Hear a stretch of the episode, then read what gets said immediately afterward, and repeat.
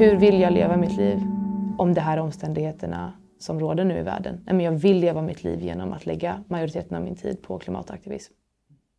För att annars så... Nej, jag hade inte velat ha det på ett annat sätt. Så då får jag glädjas över det. Att jag kan det.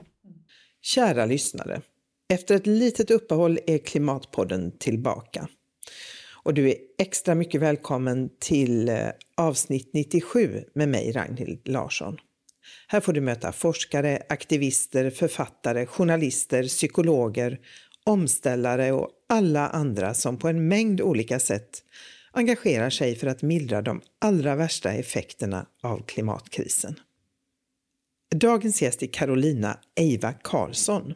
Jag träffade Carolina för första gången våren 2019 på en workshop om naturens rättigheter.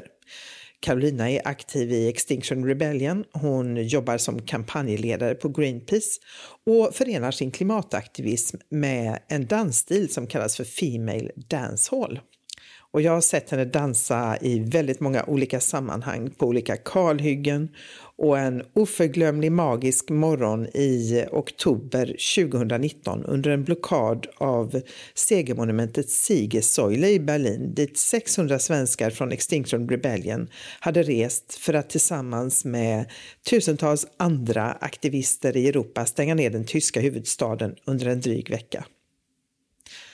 Jag träffade Carolina på Greenpeace kontor i Stockholm den 16 november för att prata om eh, vad som skiljer Greenpeace och XR åt när det gäller strategi och taktik och hur vi ska få fler att engagera sig i klimatrörelsen. Och om vad klimaträttvisa egentligen är och om dansen som ett sätt att nå utanför aktivistbubblan och mycket mer.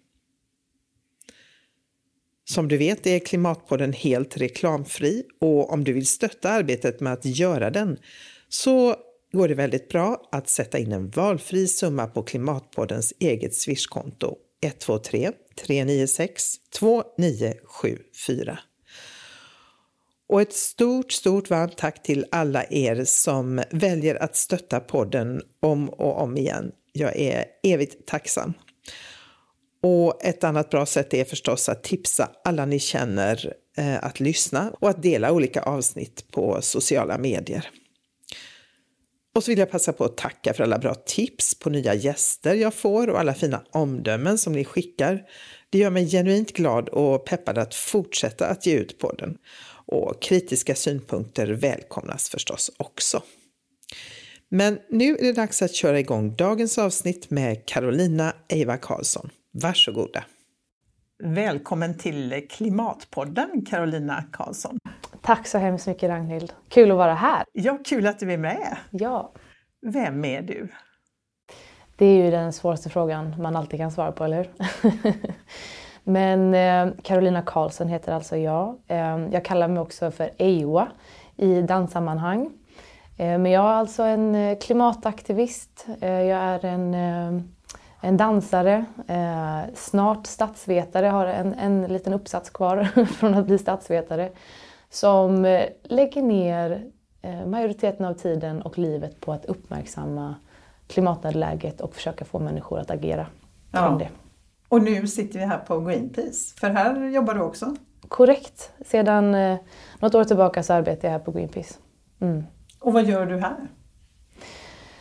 Det är många olika roller och funktioner men eh, kort kan man säga att jag har arbetat eh, mycket i vår skogskampanj. Där har ju vi varit uppe eh, i Månio sameby och bedrivit ett samarbete med dem mot vårt statliga skogsbolag Sveaskog. Och det finns ju liksom mycket att göra på det området av att alliera sig tillsammans med och, och stötta den samiska kampen mot all exploatering i Sápmi och så. Så att det är en del av vad jag gör på, på lite olika sätt. Eh, och sen så har jag också varit inblandad i mer av ett klimat och energiarbete och det här med eh, rysk gas och så som vi såg av. Men det är lite allt möjligt faktiskt. Spännande. Eh, vi ska återkomma till det här med skogen. Eh, men jag tänkte börja med att fråga dig, hur väcktes ditt klimatengagemang? Vad var det som fick dig att engagera dig? Ja, alltså vad som vad som tog det att gå från att tänka mycket på det och få mer kunskap om det till att verkligen aktivera mig på något sätt, det var ju att jag råkade befinna mig i London 2019 i april för att hälsa på en vän. Men kom ju rakt in i Extinction Rebellions eh, stora eh, uppror där. Det var ungefär 6 000 människor som hade intagit Londons gator och torg. Så jag går runt där eh, och ser detta och det är ju en form av protest liksom, eller en form av ja, så som jag aldrig hade sett innan och där, där föddes väl mitt så här, det här vill jag se och skapa i Sverige. Och där blev jag aktiv. Vad var det som gjorde att du ville se det i Sverige också då? Nej men för att det, det, det kunde liksom skapa någonting annat. Jag kollade, jag såg inte detta och, och tänkte ha ytterligare en demonstration utan jag gick i detta och, och, kände för första gången kanske att jag kände klimatkrisens allvar. Ehm, och att det är väldigt starkt att se just vanliga mm, människor eh, ta ställning och agera. Och på det sättet som det också var med att liksom, eh, tälta på gatorna, ockupera, inte ge sig därifrån.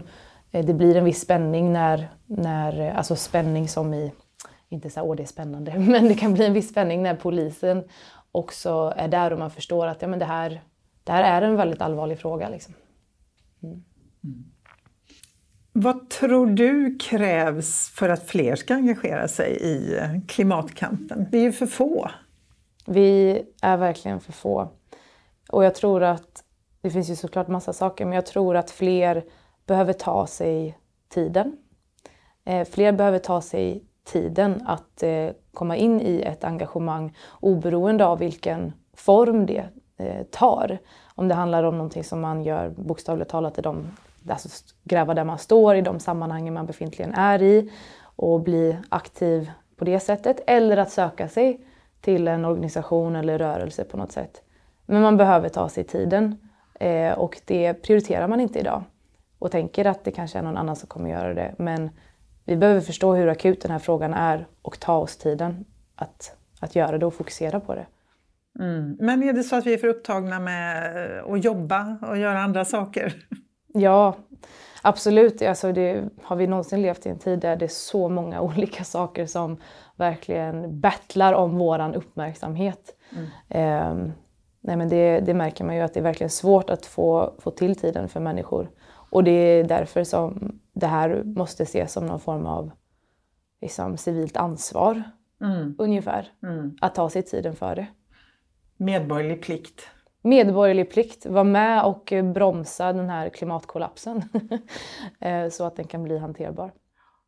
Eh, men är det så att den inte är tänker jag, tillräckligt akut? För det är ju väldigt, jag, menar, jag brukar säga det i nästan alla avsnitt, att det är väldigt svårt om vi går ut här nu på Rosenlundsgatan i Stockholm, så det är väldigt svårt att se klimatkrisen eller att känna den. Eller, alltså vi är ju inte så drabbade mm. ännu.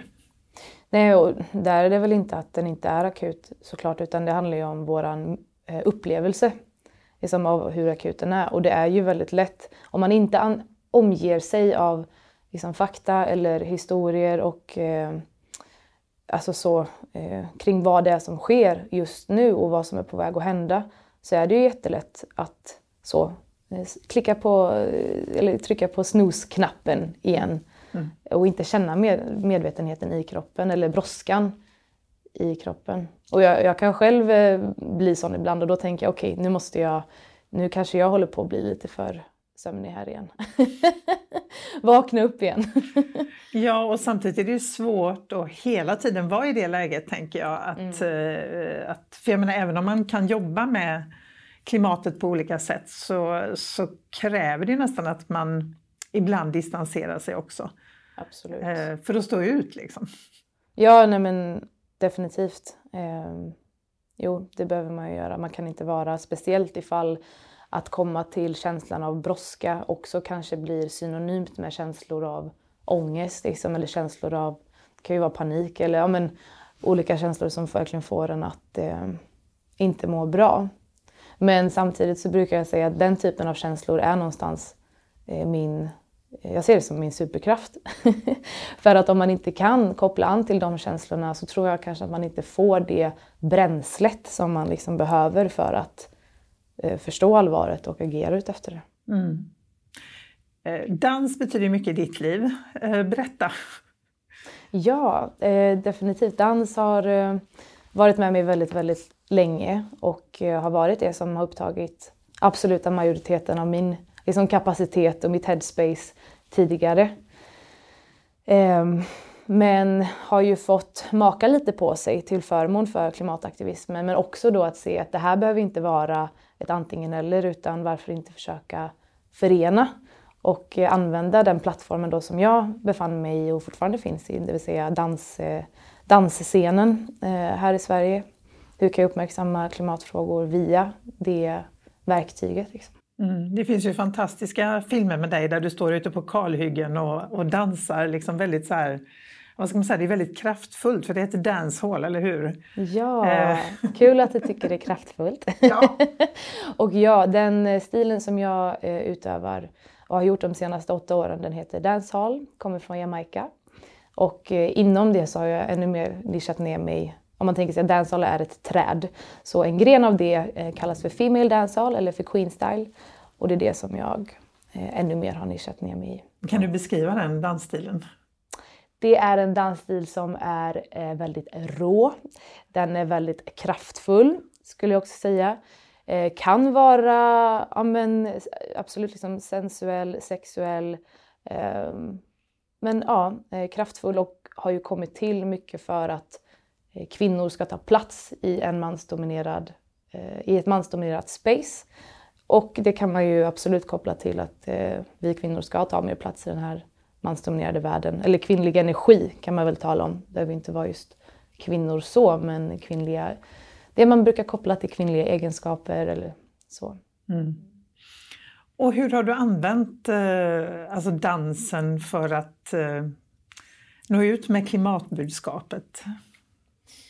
Um, det har varit lite olika sammanhang. Det kan ha varit att okej, okay, jag ska vara med i den här tävlingen. Hur kan jag utforma mig, mitt uppträdande så att det kommunicerar ett budskap kring det? Eller eh, jag ska göra den här dansvideon. Uh, hur kan jag... För att när man kommer in, det blir alltid olika scenarion om man ska göra någonting live. och vad du kan jobba med där med rekvisita eller kläder och sådär. Uh, eller mixen. Versus när du ska skapa ett videoformat för då blir dina möjligheter ännu större. Och, när du själv styr? Liksom. Ja, och när man, man, kan ju klippa. Eh, du kan eh, ja, klippa in saker eller liksom manipulera videon på olika sätt så att den eh, blir kraftfull. Så jag tror jag, jag föredrar det, att jobba med videoformatet och att sen befinna mig där många människor är idag, i sociala medier. Mm. Mm. Eh, hur har du fått för reaktioner då i danscommunityn? Nej, men det har varit eh, väldigt eh, överväldigande, för att inte säga uteslutande positivt. Eh, och det är många som, som ja, verkligen uppskattar att man försöker binda samman det eller uppmärksamma det på det här sättet. Och, eh, och, så, och har menat på att det kan ha liksom inspirerat eh, och informerat om inte annat, eller lyft frågan. Liksom. Ibland så är det ju inte, jag menar klimat och miljöfrågor det berör ju oss alla. De relaterar till alla frågor. Så ibland handlar det mycket om så paketeringen av dem, framingen av dem, mm. för att de ska kännas relevanta. För de är relevanta för alla. Mm. Ja, verkligen. Men tycker du att eh, alltså, vi i allmänhet är dåliga på att paketera klimatbudskapet på ett sätt som vad ska jag säga, lockar människor eller tilltalar människor? Jag tror det. På, må på många sätt. Och sen kan man ju adressera det från olika håll. Jag till exempel jag tror att en, en anledning till att jag blev eh, engagerad och eh, fick hopp i samband med, med Extinction Rebellion var för att jag tyckte att här kommunicerade man om klimatkrisen på ett sätt som tilltalade mig. Det vill säga, prata inte om, prata inte primärt om eh, hur isen smälter och det drabbar isbjörnar. Prata om svälten mm. som kommer drabba oss alla, inklusive människor. Prata om liksom de miljoner och åter miljoner människor som behöver fly eller som kommer svälta. Ehm, så att man går in på de ganska mörka, eh, mörka konsekvenserna av, eh, av klimatkrisen. Och en sån kommunikation till exempel, då, det, det, det tilltalar mig för att den känns, då kommer man åt vad det här mer eh, handlar om. Mm. Men för någon annan så kanske absolut inte det är rätt paket. Liksom. Så det är såklart att det finns Ja, det finns inte ett rätt paket för nej, det här. Nej. Mm. Men jag tänker, du når ändå ut till helt andra genom dansen än vad många andra gör. Mm. Eh, så säga, via sin vanliga, kanske, inte vet jag, miljö, miljöengagerade bubbla.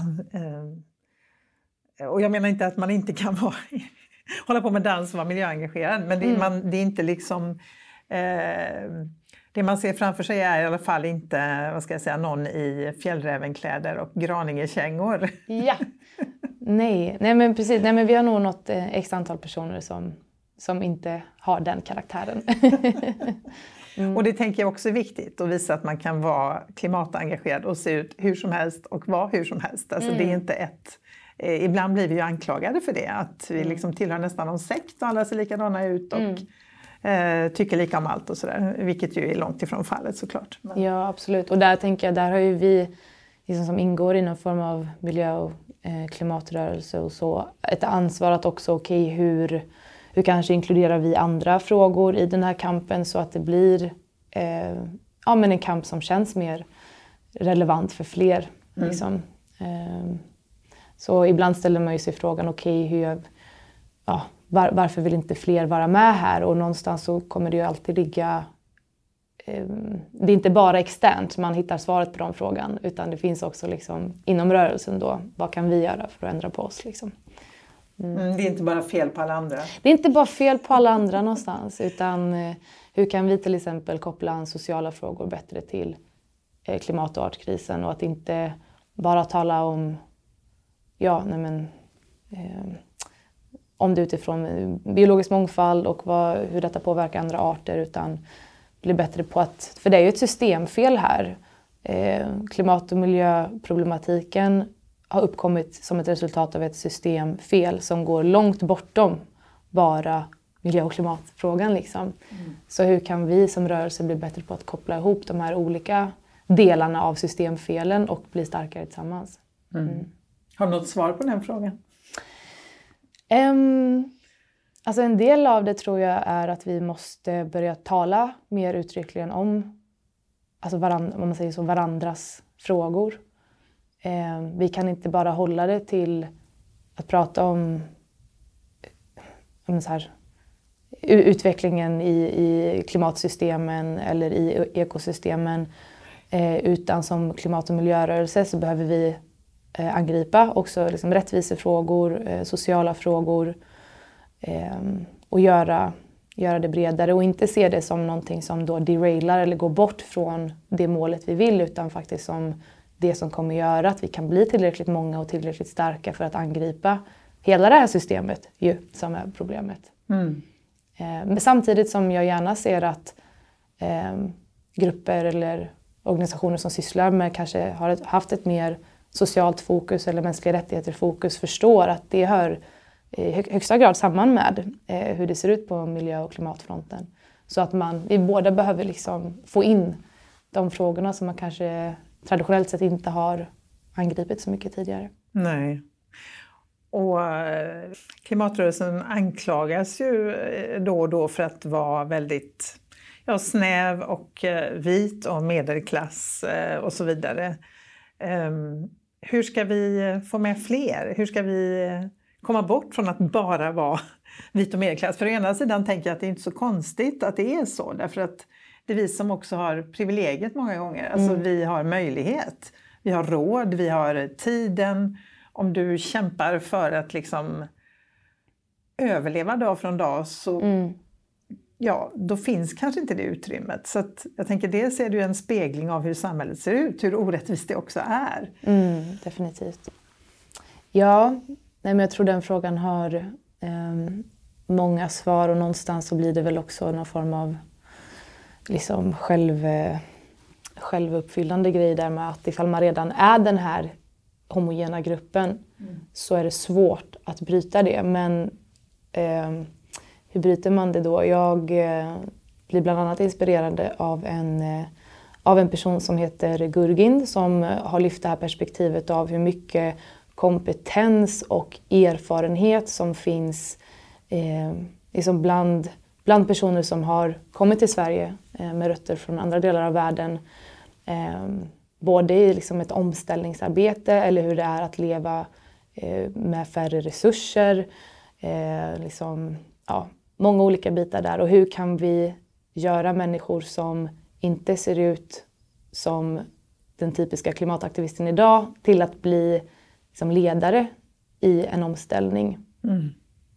Det tror jag är ett eh, spår som vi behöver utforska mer. Mm. Definitivt. Och lyssna på såklart. Liksom inte, inte så att vi sätter agendan, följ med på det här tåget, utan snarare ja, ställa frågan hur kan, hur kan rörelsen bli mer inkluderade eller vilka frågor behöver vi ta med för att det ska kännas aktuellt och relevant? Just det. Mm, så. Det här med klimaträttvisa, det är ju någonting som finns med i nästan varje klimataktion, klimatmanifestation. Vi säger att vi vill ha klimaträttvisa, men vad innebär det egentligen? Jag tror att vi har liksom lite olika uppfattningar om det. Vad är klimaträttvisa? Ja, det är en jättebra fråga. Och det finns massa svar där med, men för jag tänker det är både det, alltså det som man traditionellt brukar säga är ju, ja men vem har bidragit till klimatkrisens tillblivande? Och att det är olika då. Um, men också vem kommer drabbas av klimatkrisen? Och att se på det här utifrån en så kallad intersektionell lins. Liksom.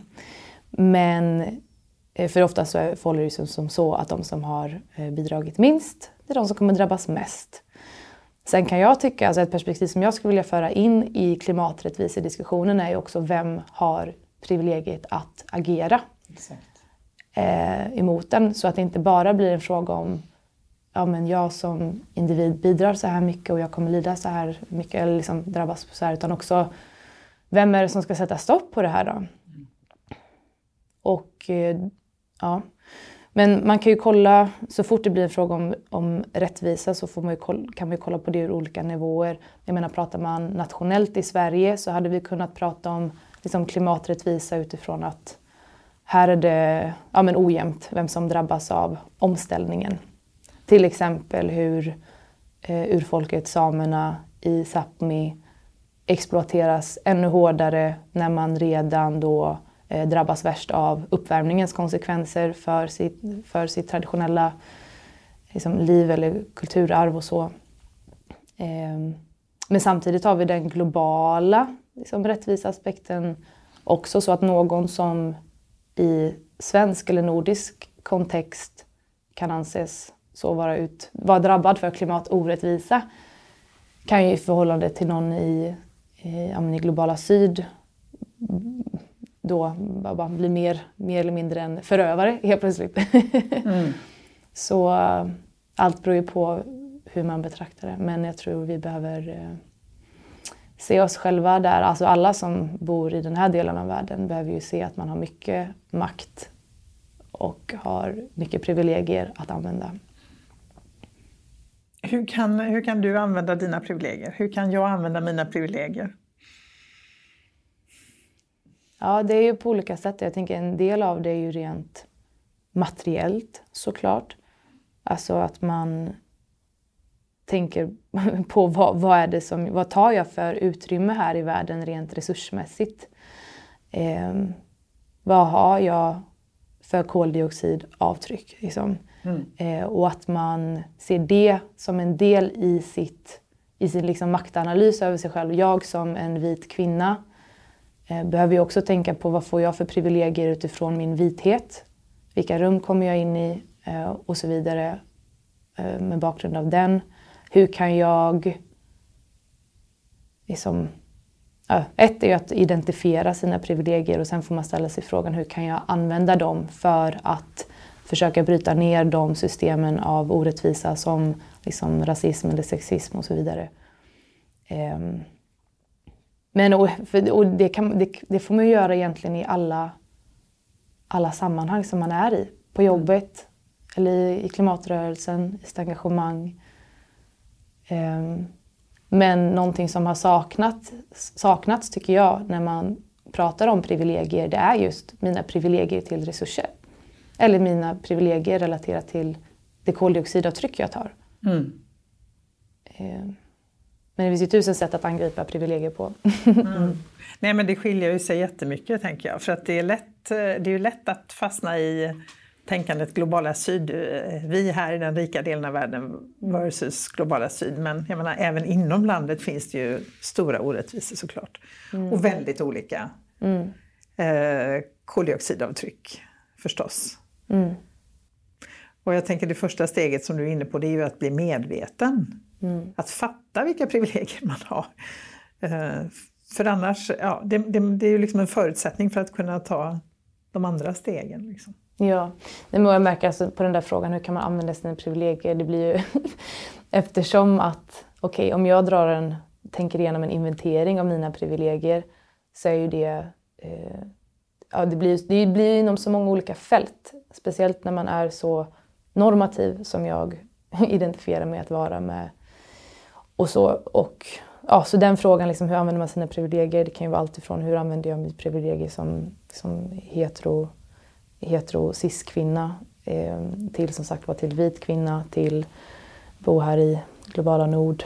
Eh, ja, den där frågan får man utveckla mer, men att bli medveten om att man har dem och att du har en viss då, ställning i i samhället eller får vissa förutsättningar eh, baserat på det och hur kan du dela med dig eller göra rum för eh, mindre privilegierade eh, personer att få ta det utrymmet som du nu kanske får gratis. Mm.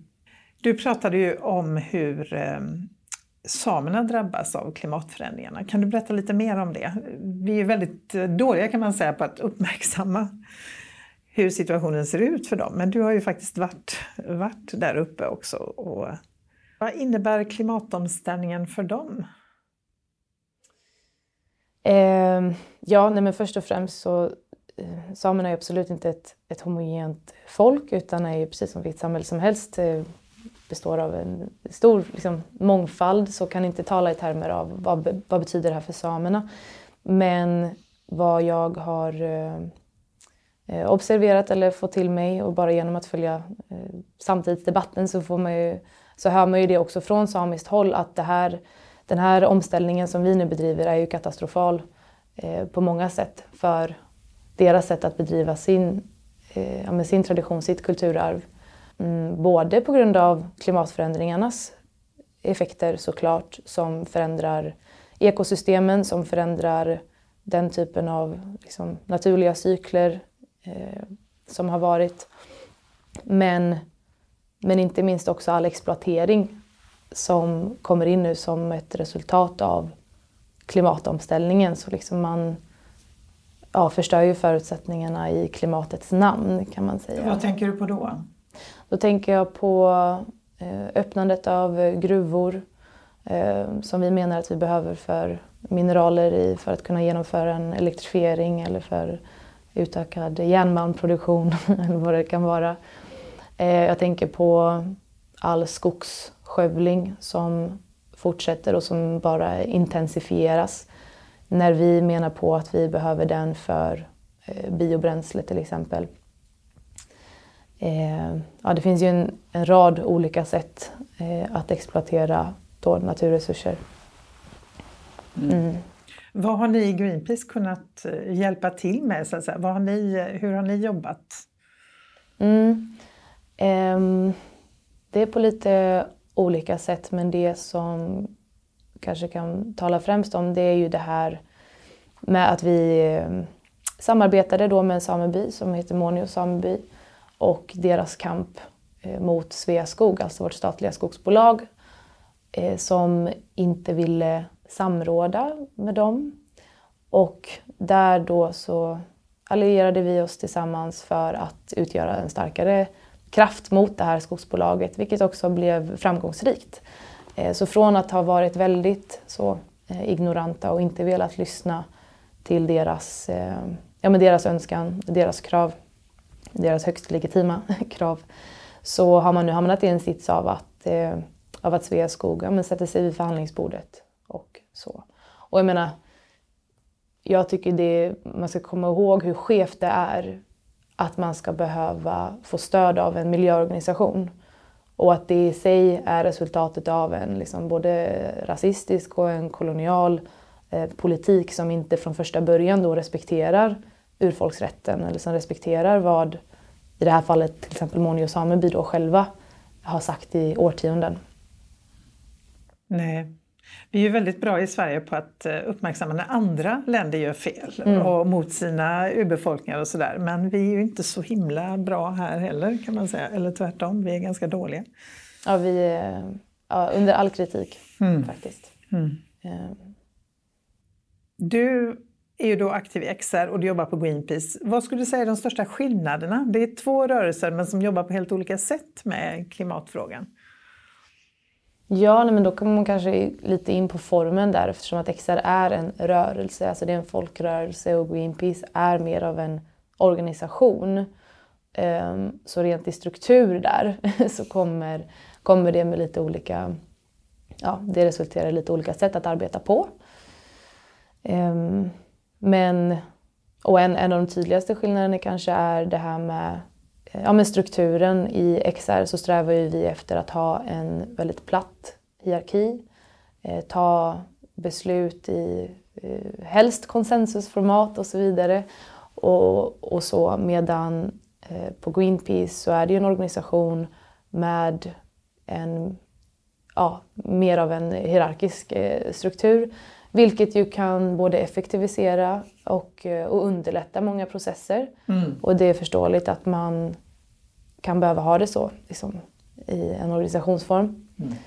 Eh, men, eh, men det finns ju också väldigt mycket fördelar med den platta strukturen, inte minst för att verkligen få, få engagemanget som kan bubbla hos människor, att få, eller idéer som finns, att få komma till verklighet för att trösklarna är så pass låga. Mm. Man behöver inte fråga någon om lov om man ställer upp våra principer och krav så kan ju i princip vem som helst eh, planera och genomföra en aktion till exempel. Ja, men exakt. Eh, man behöver inte gå liksom, till en styrelse och be om lov och sådär. Men ibland är det ju grymt frustrerande också. Eller vad säger du? ja. Ehm... Man kan ju i vissa lägen, eh, alltså när allting funkar så är det underbart. Men när det inte gör det så kan man ju verkligen så sitta och känna, Åh, kan någon ge mig en chef? Kan någon ge mig en ordförande? Ja, jo men eh, absolut. Eh, nej, men så det finns ju verkligen fördelar och nackdelar med, nackdelar med båda. Jag tänker eh, Greenpeace arbetar ju också utifrån ett kampanjformat, det vill säga att man behöver ju prioritera och eh, välja vissa frågor som du då driver kampanj på. och det, på ett sätt som du säger, det kan ju vara skönt för att det blir kanske lite tydligare då vad, vad är det vi arbetar med här eller vilken fråga. Och samtidigt så kan det vara frustrerande för att det kanske är någonting man verkligen hade velat uppmärksamma eller arbeta kring men så ingår kanske inte det då inom ramen för det här, den här kampanjens ämne och då blir det inte någonting som man på samma sätt kan pursue. Mm. um, så på det sättet så ja, då, då, då kan det vara fördelaktigt med en, en friare rörelse som har bredare krav och där du kan ta upp lite alltså av det som du känner att du skulle vilja ta upp här och nu. Mm. Och det uppstår ju fantastiska saker ibland, fantastiska aktioner och mm. så. Uh, och ibland har det ju hänt att det varit mindre lyckat. Uh, så. Men, men, det kan ju hända även såklart i en hierarkisk organisation att uh, saker och ting blir mindre. Men då har man ändå tydligare kanske ett ansvarsutkrävande och så också, tänker jag. Det blir mm. på ett annat sätt. Jag tänker en annan skillnad är väl också det här att Eh, jag, menar, för jag tror många förknippar ju Greenpeace med ja, det är de som klättrar på oljeriggar.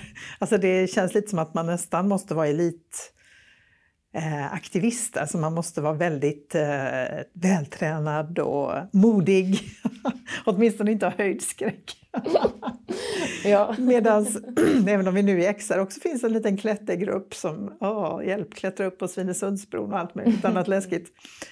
Men jag tänker annars är väl idén mycket med, har varit i alla fall med XR, att vem som helst ska i princip kunna delta. Alltså gör man en vanlig vägblockad så, ja, mm. egentligen kan ju i stort sett det kan vara svårt i och för sig om man ska sitta ner om man har väldigt eh, ont i ryggen eller någonting. Men det kan man ju lösa med en pall eller något.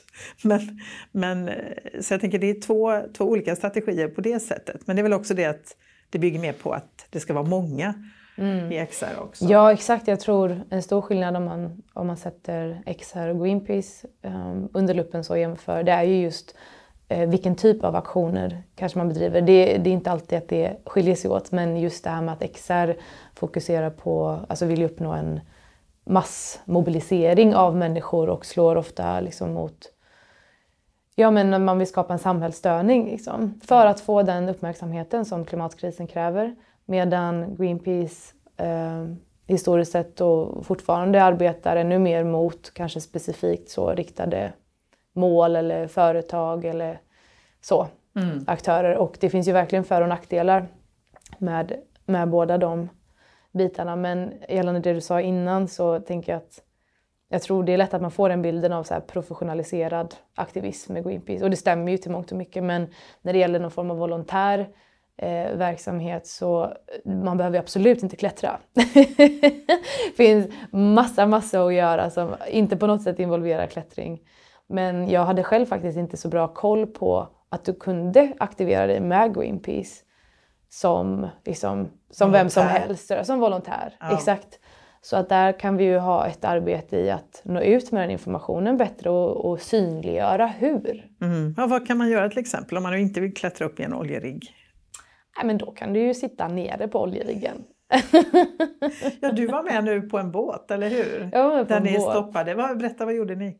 Ja, nej men bara för ja, det, det, det, bara, bara det du sa innan. Eh, nej men det är ju precis som vilken aktion som helst. Det är inte bara att, eh, inte bara att Ibland så är det klart att bara klättring utgör aktionen om det är något så specifikt. Men annars finns det ju massa roller bara i en aktionsscenario att fylla. Men det finns ju också Ehm, ja, men mycket, mycket bakom. Eh, till exempel eh, kanske behövs stöd med att göra research kring en viss fråga. Vi har ju inte jättestora teams på programavdelningen här, vi är inte så många människor, så liksom kapacitet behövs i allt möjligt. Allt från research eh, till, ja men som, som nu vi jobbar på att tillsammans med Skogsupproret då, en del av XR, planera för hur vi kan engagera fler i, ehm, i att bli aktiva i skogsaktivism och bedriva civil olydnad i skogen. Och då behöver vi kartlägga hur många eller olika liksom, grupper i Sverige och Sápmi som sysslar med skogsfrågan. Så det kan ju komma in lite olika sådana här behov. Det här behöver kartläggas, det här behöver göras. Ehm, men för att ge ett rättvist svar på den frågan får väl vår volontärkoordinator ge svar på frågan hur man kan bli aktiv med Greenpeace. Ja, men det finns många olika sätt helt enkelt. Men inte det är svårt att tänka, för XR är ändå alla på samma, vad ska man säga, ingen har ju betalt. Ja, vi har i och för sig mm. haft några, vi har försökt, de har fått lite typ stipendium, men det har ju varit i princip fickpengar mm. när någon har jobbat heltid och sådär. Men, eh, men inte det är svårt tänker jag att få folk att jobba gratis och så sitter någon och har en månadslön bredvid. Liksom. Jag... På ett sätt så kan det absolut vara en faktor ju, som kanske blir påtaglig. Och jag som då sitter här som en person som får betalt bredvid någon som kanske inte får det. Jag vet inte vem det är mest påtagligt för, mig eller någon annan. Um, så, så kan det verkligen vara. Nej, jag kan bara tala för mig själv som sagt vad som kan bli eh, medveten om det och att det inte känns eh, bra. Men samtidigt så om det nu skulle vara en avskräckande faktor till att engagera sig med, med Greenpeace så tror jag samtidigt att eh, organisationens liksom, välkända, eh, ja, men välkända namn och legitimitet i samhället gör det lättare för folk då mm. att ta steget och engagera sig med Greenpeace versus till exempel eh, XR. Mm. Det kan handla om, om vart, vart ser jag mig själv och då blir den frågan kring om det finns avlönade personer med eller inte mindre avgörande. Det kan ju också vara en bra sak. Tänker jag. Det kan ju vara skönt för man vet att vissa saker sköter. Jag menar, det är ju också ett problem jag tänker, i rörelser som XR att allt måste ske på frivillig basis, ideell basis. Vilket gör att folk också blir utmattade och mm. alltså, ibland ska man leta efter någon som... Uh, ja, det finns helt enkelt inte folk som kan göra olika saker. Eh, Nej, men... Så på det sättet är det en resurs, tänker jag. Man kan ju också se det som att, liksom, åh vad skönt, nu kan vi få hjälp med det här av de som faktiskt har tid att hålla på med det. Verkligen. Eh, verkligen. Och man kan ju försöka då, är man i ett samarbete med oavlönade personer så kan man ju försöka se till att man själv tar på sig de arbetsuppgifterna som kanske är ja, men allt ifrån mest tidskrävande eller tråkigast eller liksom så. men att man har med det. Ja. Mm. Mm. Um, jo, vi pratade om det här med, med oljeriggar och eh, fossiltransporter och det har varit väldigt aktuellt nu med kriget i alltså Rysslands invasion av Ukraina. Att, eh, ja, många organisationer där, inklusive Greenpeace, har ju krävt att vi måste få stopp på oljeimporten. Och eh, ni var den ryska oljeimporten och all oljeimport egentligen, men specifikt nu den ryska. Och ni var med och stoppade en transport där, eller hur? Ja. Berätta.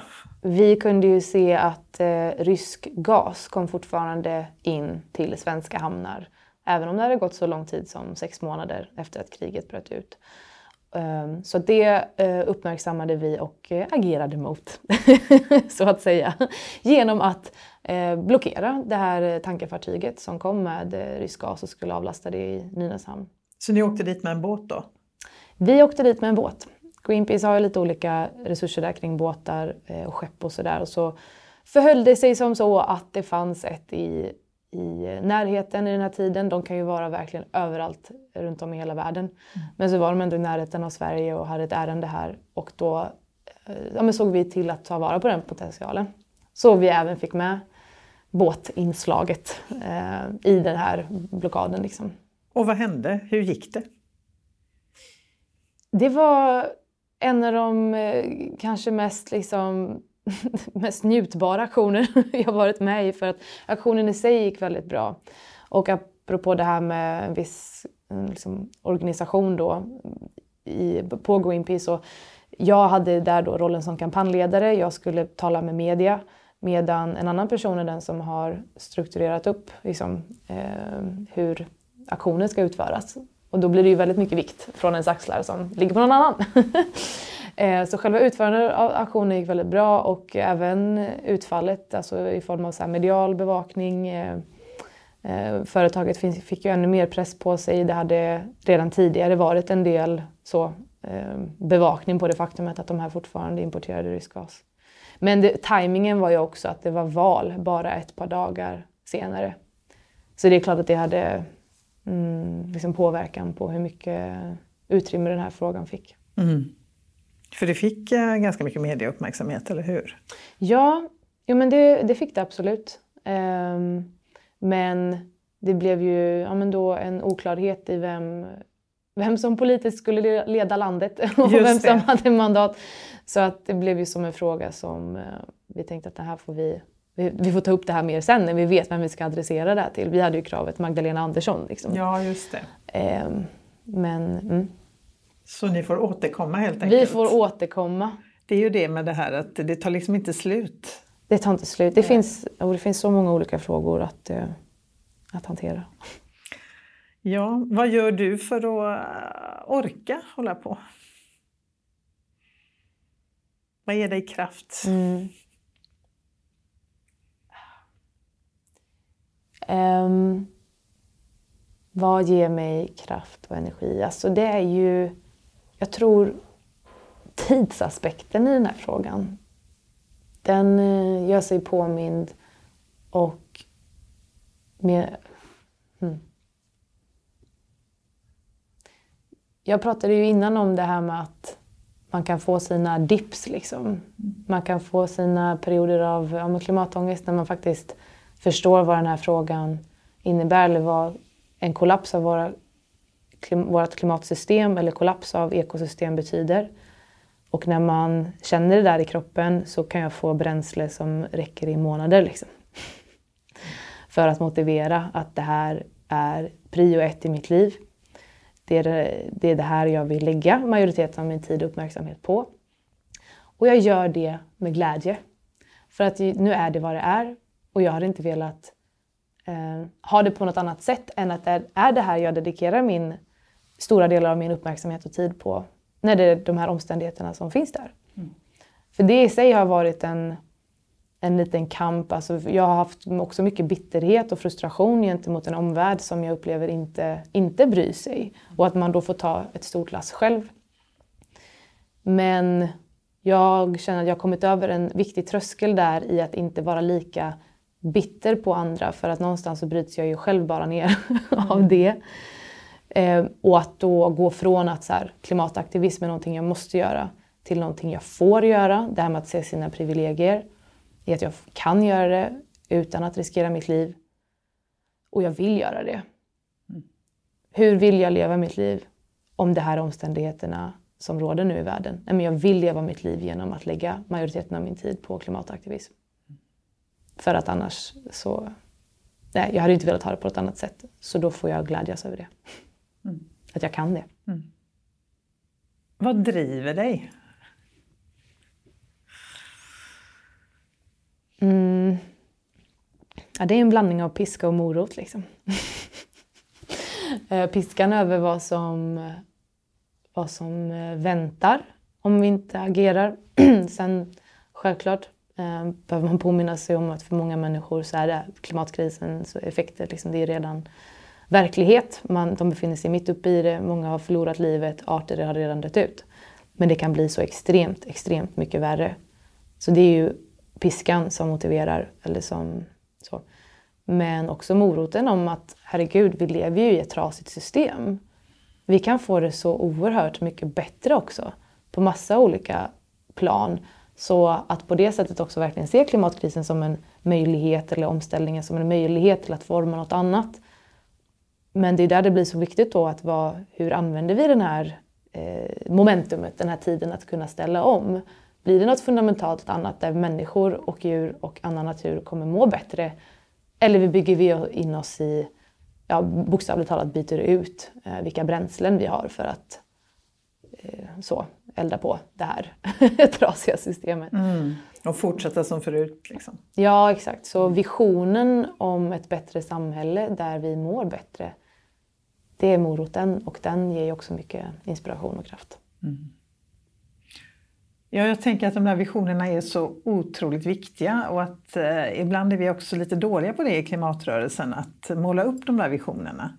Alltså det är väldigt mycket, vi vill bort från saker och ting och vi säger nej och stopp och sluta, vilket vi också måste göra. Men, eh, men eh, jag tror att vi behöver ju många fler bilder av vad är det som väntar, både om vi inte agerar men också eh, vart vill vi då?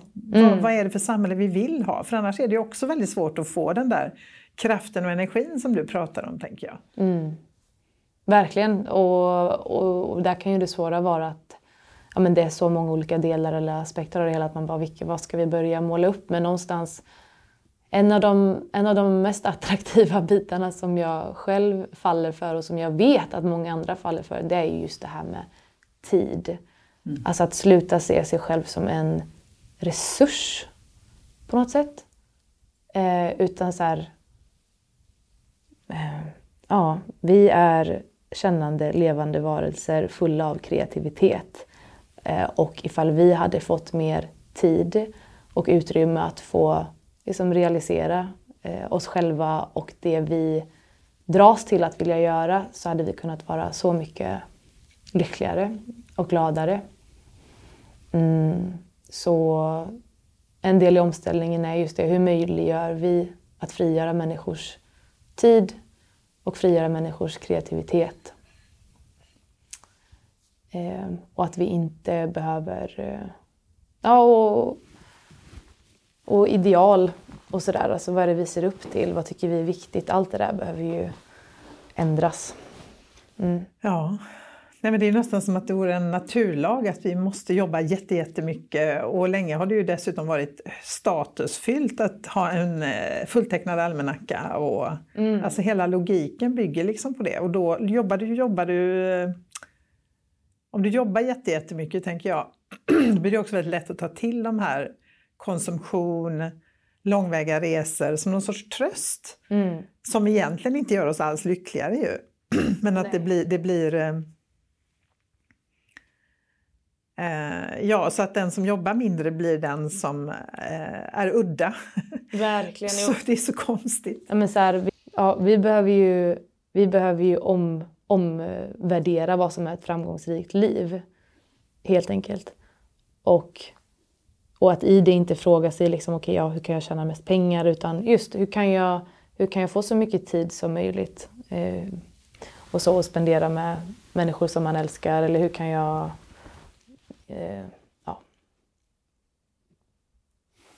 Alltså grejen är, jag har tänkt på det här och så funderar jag nu, vad, vad är det jag kom fram till? och så tänkte jag, jag kommer väl på det medan jag pratar, men så kommer jag inte på det medan jag pratar. ja, nej men det är ju det är som att vi är liksom, vi har så svårt att tänka utanför den här, eh, ja det som är normen helt enkelt. Eh, och har varit, även om, jag menar, jag tänker att yngre människor som du och andra som engagerar sig i klimatrörelsen, där blir det ju mer uppenbart att eh, vi inte kan hålla på så här mm. som vi gör och att vi inte mår bra av det. Alltså det ju, vi har ju allt att vinna på att ställa om på det sättet, tänker jag. Men jag tänker, jag har också ofta liksom det här med, man undrar ju också alla de här då som eh, oftast lite äldre personer som förnekar att vi har en klimatkris. Eh, och säger de att vi har en klimatkris så är det absolut inte så farligt och vi behöver inte göra någonting här i Sverige och sådär. Men då tänker jag att det handlar väldigt mycket om någon sorts rädsla och någon sorts ehm, Ja, men när man är uppvuxen i ett system eh, och uppfostrad i ett system där det går ut på just detta, jobba mycket, tjäna mycket, konsumera mycket, mm. skaffa en fin dyr bil, eh, res långt bort, det är ett tecken på framgång. Mm. Och så har man gjort det och så kommer någon och säger men det där är ju helt fel, förstår du inte det? Mm. Eh, vad är det? Nina Björk, författaren eh, forskaren, säger eh, skitdrömmar. Mm. och det är klart att det är ganska jobbigt att inse om man är lite äldre att har jag byggt mitt liv på ja. vad då? Ja. Och, vad är det? Och, då, och då tänker jag istället för att ta in det då så blir man liksom nej, nej, nej, det där tror jag inte på. Det blir för jobbigt liksom. Mm. Ja men och framförallt ha valt eh, sina egna parametrar och eh, liksom mått på framgång i sitt egna liv. För det som de flesta säger vid sin dödsbädd som ånger är ju att man lever sitt liv utifrån någon annans blick liksom, eller utifrån någon annans standard eh, på vad som är framgång. Och att verkligen medvetet själv sätta ramarna. Så här, vad är ett framgångsrikt liv för mig? Mm. Och det kommer ju se olika ut men men liksom generellt, det är klart att det är det här, har du haft tid att göra det du vill göra? Eh, lägga det på det du vill? Hur har du mått under ditt liv? Har du mått bra? Har du varit stressad, pressad och haft ångest? Ja, men, kanske inte spelar det så stor roll vad du uppnådde någonstans för du har inte mått bra i det. Liksom. Så, ja, nej men återigen, sluta se oss själva som resurser som ska åstadkomma något utan bara vår existens i sig är tillräcklig. Mm, ja. Mm. Nej men så är det ju verkligen. Eh, det är ändå väldigt många i Sverige som är medvetna om att vi har en klimatkris och eh, sen tänker jag också att man kan ju vara medveten på olika nivåer om hur allvarligt det är och sådär. Men jag tror också att väldigt många känner sig hjälplösa. Eh, alltså vad, vad ska man göra? Om man vill bidra på något sätt. Eh, och jag menar, hittills har det varit väldigt fokuserat på ja, men, eh, sopsortera mer, cykla till jobbet, ät mindre kött och sådär. Och jag säger det är ju absolut bra att göra det. Men vad kan man mer göra då? Tänker du? Vad, vad, om den som lyssnar nu tänker så här, ja, men jag vill verkligen göra någonting. Jag, Annat, jag, mer. Ja, nej men det dels att verkligen få människor att förstå hur mycket makt man sitter på. Alltså återigen hur mycket privilegier man sitter på men också hur mycket makt man sitter på. Att påverka dem i sin, i sin krets, i sina sammanhang. Men vi är i en punkt där alltså, du behöver organisera dig tillsammans med andra. För att den typen av samhällsförändring som vi behöver just nu, den kan inte vi åstadkomma på var och sitt håll. Liksom. Det är inte den typen av samhällsförändring som behöver ske under en väldigt kort tidsperiod. Utan vi måste eh, se hur människor går ihop i folkrörelse och kräver förändring. Mm. Så du, det, det, är dags nu att ta tid, investera i liksom, livet på den här planeten, i dig själv, i dina barn, i, din, ja, i allt liksom som vi kan tänka oss hålla kärt och, eh, organisera det och bli aktiv. Och i vad?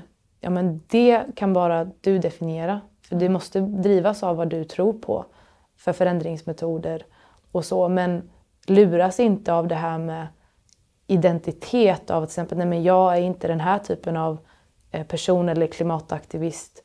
Eh, utan alltså kolla på vad, vad, tror du att den här typen av handling kan, kan leda till? Alltså skit i blicken på dig eh, från din krets som kanske tycker att du eh, jätte udda om du sätter dig på gatan eller är med i en aktion. Så alltså, vad, vad är viktigast där? Blicken, den yttre blicken eller substansen av dina handlingar? Så ja, där igen bli medveten om vad som är framgång på riktigt och begränsa det inte utifrån andras blick. Bra råd. Men många är ju väldigt ovana vid, i Sverige i alla fall, eh, vid civil olydnad då till exempel. Eh, som ju, ja, alltså det är ju ganska många som tror att det är ändå det som krävs. Um, så hur ska man tänka runt det då? Man kanske aldrig har gjort något liknande och det, så har det ju varit för mig och säkert för dig. Alltså jag menar, eh, det kom ju en första gång liksom, när man inte har gjort det. Men vad tror du krävs för att få fler att göra det? För jag tänker i Sverige är vi så vana vid att vi har liksom fått våra rättigheter jag menar inte ens jag som är gammal, är ganska gammal nu vid det här laget har, har behövt kämpa hårt för att få de rättigheter, rättigheter jag har fått. Det är andra som har kämpat före mig men det har vi liksom glömt på något vis. Så, mm. men, men hur ska man få fler att våga ta steget? Jag tror vi måste, man måste verkligen få syn på vilken historisk tid vi lever i och att Eh, Eh, vi har ju liksom typ tränats bort i medborgarengagemang ungefär, eller så här, civilt motstånd eller, eh, eller så, för att det är så mycket som har varit serverat till oss. Och jag minns att någon gång så gick jag och lyssnade på någon podd och blev inspirerad och ins poletten föll verkligen ner att så här, vi, vi har en historisk uppgift och vi måste ta oss an den och Eh, vi kanske trodde att allt var klappat och klart. Liksom. Jag kan kolla tillbaka på ja, men kvinnorättsrörelsen som har gett mig som kvinna eh, mycket fördelar och sånt där. Men vi har en av de svåraste bitarna kvar nu och vi måste anta det här, den här utmaningen och vi måste äga det här ansvaret som vi har på oss. Eh, och få syn på som sagt var den, det historiska i den här tiden och att den kommer aldrig komma tillbaka. Mm. Och det är vår enda chans att göra det tillsammans.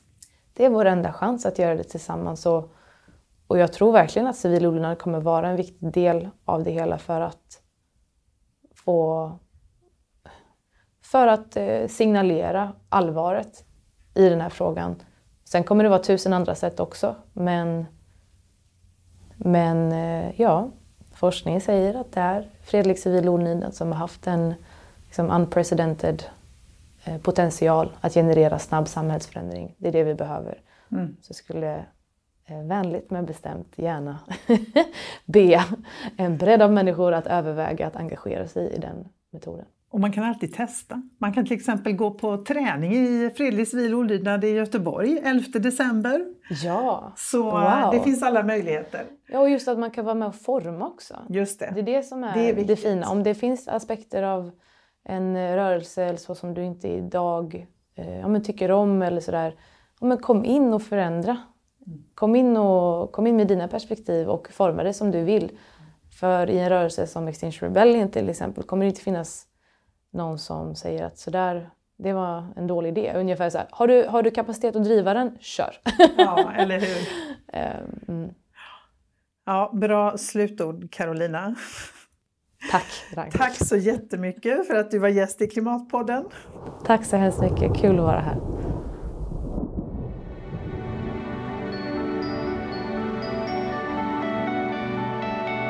Du har lyssnat på Klimatpodden som produceras av Konvoj Produktion. Gäst i dagens avsnitt var Carolina Karlsson. Du hittar mer information om Klimatpodden och dagens avsnitt på hemsidan klimatpodden.se. Och Klimatpodden finns på alla ställen där poddar finns och du kan följa podden på Twitter och Facebook. Om du vill stötta arbetet med att göra Klimatpodden så går det bra att swisha en valfri summa till 123 396 2974.